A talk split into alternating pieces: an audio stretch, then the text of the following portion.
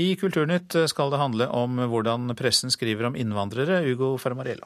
Og det er en ny spørreundersøkelse som overrasker flere forskere. Innvandrere i Norge er fornøyd med hvordan de blir fremstilt i mediene. Det viser altså en ny undersøkelse fra Universitetet i Oslo. Hjemme hos en eh, norsk-iransk familie og Mina Adampour på Grünerløkka i Oslo ser de både på Bollywood-film og norske nyheter. Hjemme hos familien Adampour på Grünerløkka i Oslo står TV-en innstilt på en kanal som viser indisk og pakistansk film. Men en av døtrene i familien, Mina Adampour, liker bedre å se på nyheter. Det med vold i nære relasjoner er et viktig eh, Det går mye i radio og nettaviser. Jeg er veldig mye på norske medier hver dag. Selv om man kanskje også skulle ønske man hadde tilgang til medier fra egne hjemland. da. Ny forskning fra Universitetet i Oslo viser at de elleve største innvandringsgruppene i Norge stort sett er fornøyd med hvordan de blir fremstilt i norske medier. Resultatet er overraskende, siden mediene har fått kritikk for hvordan de fremstiller innvandrere, sier forsker Audun Beyer. Vi har stilt i en rekke forskjellige spørsmål.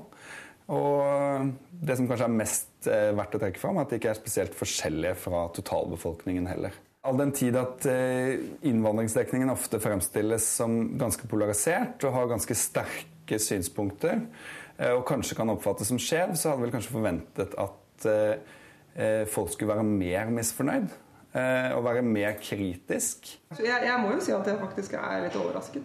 Det sier Navjot Sandbu, styreleder for Minotenk, en tankesmie som jobber for å definere utfordringer som angår minoriteter i Norge. Framstillingen av minoriteter eh, fra norske medier er veldig polarisert. Enten så har du lykkes, eller så har du mislykkes. ofte så føler minoriteter at eh, det er ikke noe det er ikke noe kunnskap bak det, og det er lite nyanser. det. Så ser man jo også at den trenden ikke sant, sakte, men sikkert har begynt å snu. Eh, du har flere journalister som har minoritetsbakgrunn. Eh, du har kronikkforfattere eh, som skriver inn, eh, som også har en annerledes bakgrunn. Du har, altså, du har ankere som helt tydelig ser annerledes ut. Og alt det er nok med på å, å snus til tillitsforholdet. Mina Adampour på Grünerløkka i Oslo synes ikke iranere blir dårlig fremstilt i norske medier, men hun skulle ønske at det var flere norsk-iranere i mediene. Jeg syns jeg, jeg, jeg, ser iranere ganske sjelden på TV. Jeg syns det er forskjell på, på en måte enkeltgrupperinger og begrepet innvandrere. Fordi begrepet innvandrere brukes, er i hvert fall mitt inntrykk, mye oftere. Og gjerne også med sånn i negativ ordlag, da. Mens uh, enkeltgrupperinger som konkret vietnamesere eller konkret eh, iranere videre, der har jeg egentlig ikke følt meg truffet sa Mina Dampour, som også er leder i organisasjonen Ungdom mot rasisme, og reporter var Eirin Venås Sivertsen. Anne Hegga Simonsen, du forsker i journalistikk ved Høgskolen i Oslo, har skrevet om det samme, nemlig pressen og innvandrere, og har bl.a. også vært redaktør i Ny Tid. Men hva tenker du om det vi har hørt?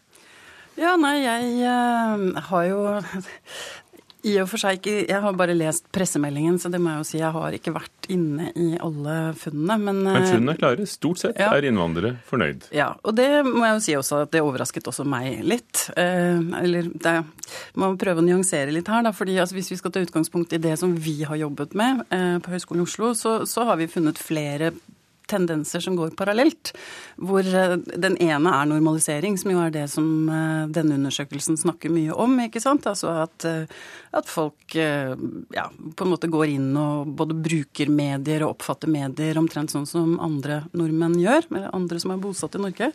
Mens den andre eh, tendensen som vi har funnet i, i, vårt materiale, er jo også en økt polarisering, som innebærer konflikt av ulik slag og konfrontasjon og, og sånn. som ofte Altså i hvordan media skriver om, lager reportasjer om ja, innvandrere. Ikke sant? For eksempel. Hvor, hvor, innvandrere blir bedt om å på en måte måtte forsvare både kultur og tradisjon og religion. Og der ser vi jo liksom særlig islam ikke sant, har jo vært eh, kommet Det er blitt mer konfliktfylt dekket da, ikke sant, de siste årene. Og, og vi har jo også sett at eh, en tendens til at det er de sist ankomne gruppene som blir utsatt for den mest sånn, polariserte dekningen. Sånn at ting endrer seg over tid.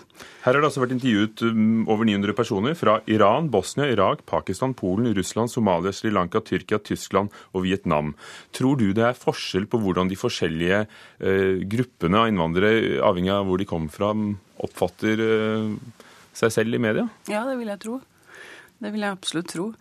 Uh, som sagt så har jeg jo ikke sett Jeg har jo ikke gått inn i de tallene her, men jeg vil jo tro altså, Det som kan være litt, eller som kan være viktig å si, det er at når vi snakker om og Nå sier jeg ikke at undersøkelsen i og for seg gjør det, for den har jeg ikke sett, men altså at innvandrergrupper generelt er en veldig stor eh, kategori. Innvandrere generelt er en sekkebetegnelse som inneholder veldig mye forskjellig.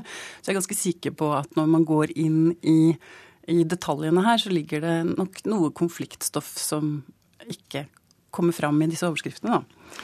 Men viser det også, som du sier, at vi er på vei mot normalisering, at uh, i den grad folk som ikke har all sin uh, fartstid fra Norge, brukes i vanlige reportasjer, fremstilles, blir en vanlig del av den dekningen? Ja, uh, og det er jo veldig, veldig, hyggelig å se. Og det er jo sånn som, har, sånn som ble påpekt også i reportasjen, at, at, folk dukker opp mer som kilder på helt si, ordinære ting som handler om mer hva de gjør og hva de mener og hvordan de lever livene sine i samfunnet, og ikke bare er representanter for en minoritet eller skal stå til rette for en, en minoritet.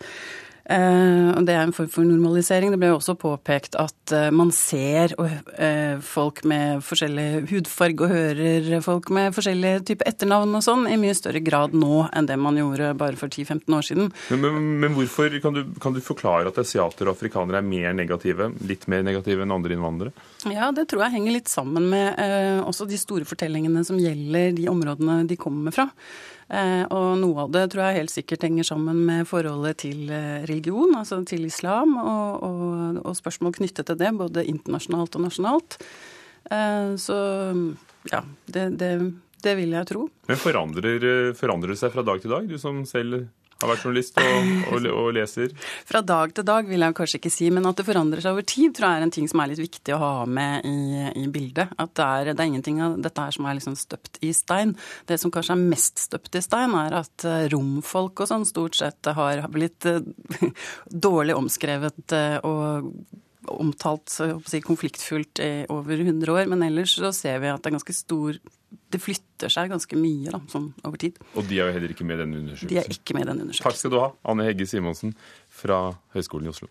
Norsk eh, Komponistforening har overtatt nettavisen Ballade. Det skriver Klassekampen i dag. Ballade ble tidligere drevet av Norsk Musikkinformasjon, men da Norsk Musikkinformasjon ble til Music Norway, ville ikke Kulturdepartementet lenger støtte driften av nettsiden. Men nå har altså Komponistforeningen bestemt seg for å overta Ballades domenenavn og arkiv, og vi ser frem til å vise musikklivet et videreført og vitalt ballade, sier styreleder Åse Hedstrøm.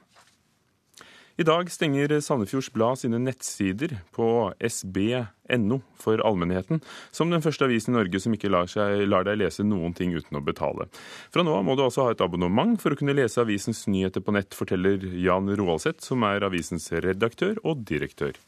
Det gjør vi fordi at nå er SPNO blitt et hovedprodukt. De som har stengt hittil, har gjort det delvis. Så det som skiller vår modell da, fra alle de andre, er at vi lukker nettet helt 100% for de lokale nyhetene som vi lager sjøl. Sandefjords. Norges største innsjø får et eget opplevelsessenter. Det er klart etter at både staten og kommunen gir penger til det nye museet. Mjøsas ark er navnet på det nye museet, som skal ligge like ved Mjøskanten på Kapp i Østre Toten. Isen er i ferd med å legge seg på Mjøsa. Norges største innsjø. 11,7 mil lang fra Minnesund og opp til Lillehammer. 450 meter djup på det djupeste. Nå skal denne sjøen bli et opplevelsessenter. Mjøsas ark. Ja, Mjøsas ark det er ideen om å lage et stelle for å formidle Mjøsas eh, historie, med vekt på kulturhistorie, men òg en del på naturhistorie. Han viser planene for Mjøsas ark, direktør for Mjøsmuseet Arne Julsrud Berg. I den tidligere mjølkefabrikken på Kapp i Østre Toten blir Mjøsas ark til. 700 kvadratmeter like ved Mjøsbredden. Senteret fikk først tre millioner over statsbudsjettet. Nå har kommunen bevilget tre millioner til. Dermed blir det noe av de mer enn ti år gamle planene, sier direktøren for Mjøsmuseet. Da, da blir dette noe ta, altså. For å si det enkelt. Eh, dette blir realisert. Eh, det er helt sikkert. Mjøsa har til alle tider vært viktig for Innlandet, både som spiskammers og transportåre. På 70-tallet holdt sjøen på å dø av forurensning. Nå er den reddet og får sitt eget opplevelsessenter som skal vise Mjøsas kultur- og naturhistorie for både små og store. Vi tror det er viktig å, å fortelle historien om denne flotte innsjøen vår, om hva som har skjedd på den gjennom eh, tiden. Det er mye flott og spennende og dramatisk historie fra båttrafikken sin tid f.eks. Og det er òg viktig å fortelle historien Eh, om at eh, denne innsjøen var det i ferd med å gå veldig galt med. Ordfører i Østre Toten Hans Seierstad sier det er viktig at Mjøsas ark kommer. Jeg mener det er viktig både for historia og i framtida at vi, vi har en, eh, en, et Mjøsas ark som kan vise oss betydningen av Mjøsas historie. Både som ferdselsåre og ikke minst som matøk. Eh, inn i en ny tid. I dag det, har vi opplevelsen til Mjøsa, men det er, det er, mye mer enn som så. At dette kan bli formidlet gjennom en basisutstilling på Kapp mjølkefabrikk, det vil ha stor betydning for ettertida. Han har vokst opp i Østre Toten med panoramautsikt mot Norges største innsjø. Om to år skal senteret stå ferdig. 20 000 besøkende i året håper de på. Og vi skal ikke bare være inne, sier Arne Julsrud Berg. Vi vil at folk etter å ha vært her skal hoppe til fjords og bade om sommeren, eller bli med skibladner, eller det blir legget ut båter og drive båtskole og den typen aktiviteter. Det er bare å sette gåen rett utenfor Skibladnebrygga på Kapp, så får du garantert en fem-seks forskjellige fiskearter. Så det blir en veldig aktivitetsdel og en mer klassisk utstillingsdel.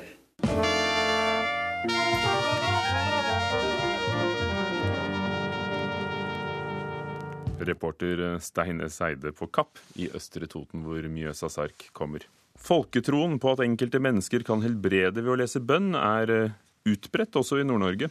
I dag har dokumentarfilmen 'De gode hjelperne' premiere på Tromsø internasjonale filmfestival. I filmen forteller biskopen i Nord-Hålogaland at han formidler kontakt med såkalte lesere, eller helbredere. Det var på Kirkenes, og far min begynte å blø neseblod. og da jeg blodkar i, i nesen som, som sprengte, som man ikke greide å stoppe på vanlig måte, og som man måtte tilkalle hjelp. Per Kjøllås er biskop i Nord-Hålogaland. Først prøvde man jo på vanlig måte gjennom klassisk medisin å, å gjøre noe med det, men man klarte ikke det, og så til slutt så måtte man ty til en som vi visste hadde de evnene. Såkalte lesere, som eh, han som hjalp faren til biskopen, er mennesker som etter folketrua kan stoppe blod og helbrede ved å lese vers, ofte henta fra Bibelen. I filmen 'De gode hjelperne', som vises på den internasjonale filmfestivalen i Tromsø, står tre hjelpere frem. Det, jo mer jeg bruker det, jo sterkere blir det. Biskopen sier at han sjøl formidler kontakt med lesere dersom folk ber om det. Hvis folk trenger hjelp, legemlig hjelp på denne måten, som jo er en tradisjonell alternativ behandling her i landsdelen, så hvis det kan fremme noe godt, så gjør jeg selvfølgelig det. Ser du en fare med at du setter syke mennesker i kontakt med lesere istedenfor skolemedisin? Disse menneskene er jo folk som ofte har prøvd eh, skolemedisin og gjerne vil ha en hjelp i, i tillegg til det. De opplever kanskje at de ikke får hjelp, eller at, de, at de vil ha mer hjelp. Og eh, de menneskene som har på mine lister, i hvert fall, er ikke spekulative mennesker. De tar dette på dypeste alvor og føler at de på en måte har en plikt til å hjelpe. Det viser jo støtte fra et hold som ikke alltid har støttet det. Asbjørn Dyrndal er religionshistoriker. Altså, dette er en forestilling om eh, eh, praktisk effekt av eh, religiøs virksomhet som eh, ikke alltid har vært like stuereint teologisk, og som sosialt sett eh, som regel hører til eh, folketroen og ikke de mest utdannede klassene i landet. Det de opplever, de hjelperne, det er at når folk plages, så tar de kontakt med dem. Men i det vanlige livet så går de på andre sida av gata. Som om det om du er befengt med et eller annet. Toril Olsen er regissør for filmen 'De gode hjelperne'. Og det å bli anerkjent av den øverste geistlige i nord, det gir dem en eh, egen stolthet eller en slags trygghet for at det de gjør, er av det gode. Er du redd for at dere som dokumentarister med denne filmen kan eh, oppfattes til å oppfordre syke folk til å gå til lesere og ikke bruke skolemedisin? Nei, vi er ikke redd for det, fordi vi har vært opptatt av det på filmen hele tida. At folk ikke skulle se på denne filmen som at du enten tar det ene eller det andre. Eh, og det vi gjør i nord, som også viser seg i undersøkelser og legevitenskapen, det er at vi bruker begge deler. Vi går både til legen og ringer til hjelperne. Så vi er ikke redd for det.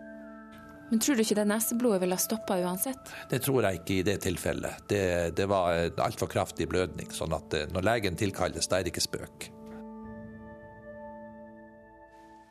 Sa biskopen i Nord-Hålogaland, og det var reporter Karoline Rugeldal som hadde laget denne reportasjen i forkant av premieren på De gode hjelperne på Tromsø internasjonale filmfestival.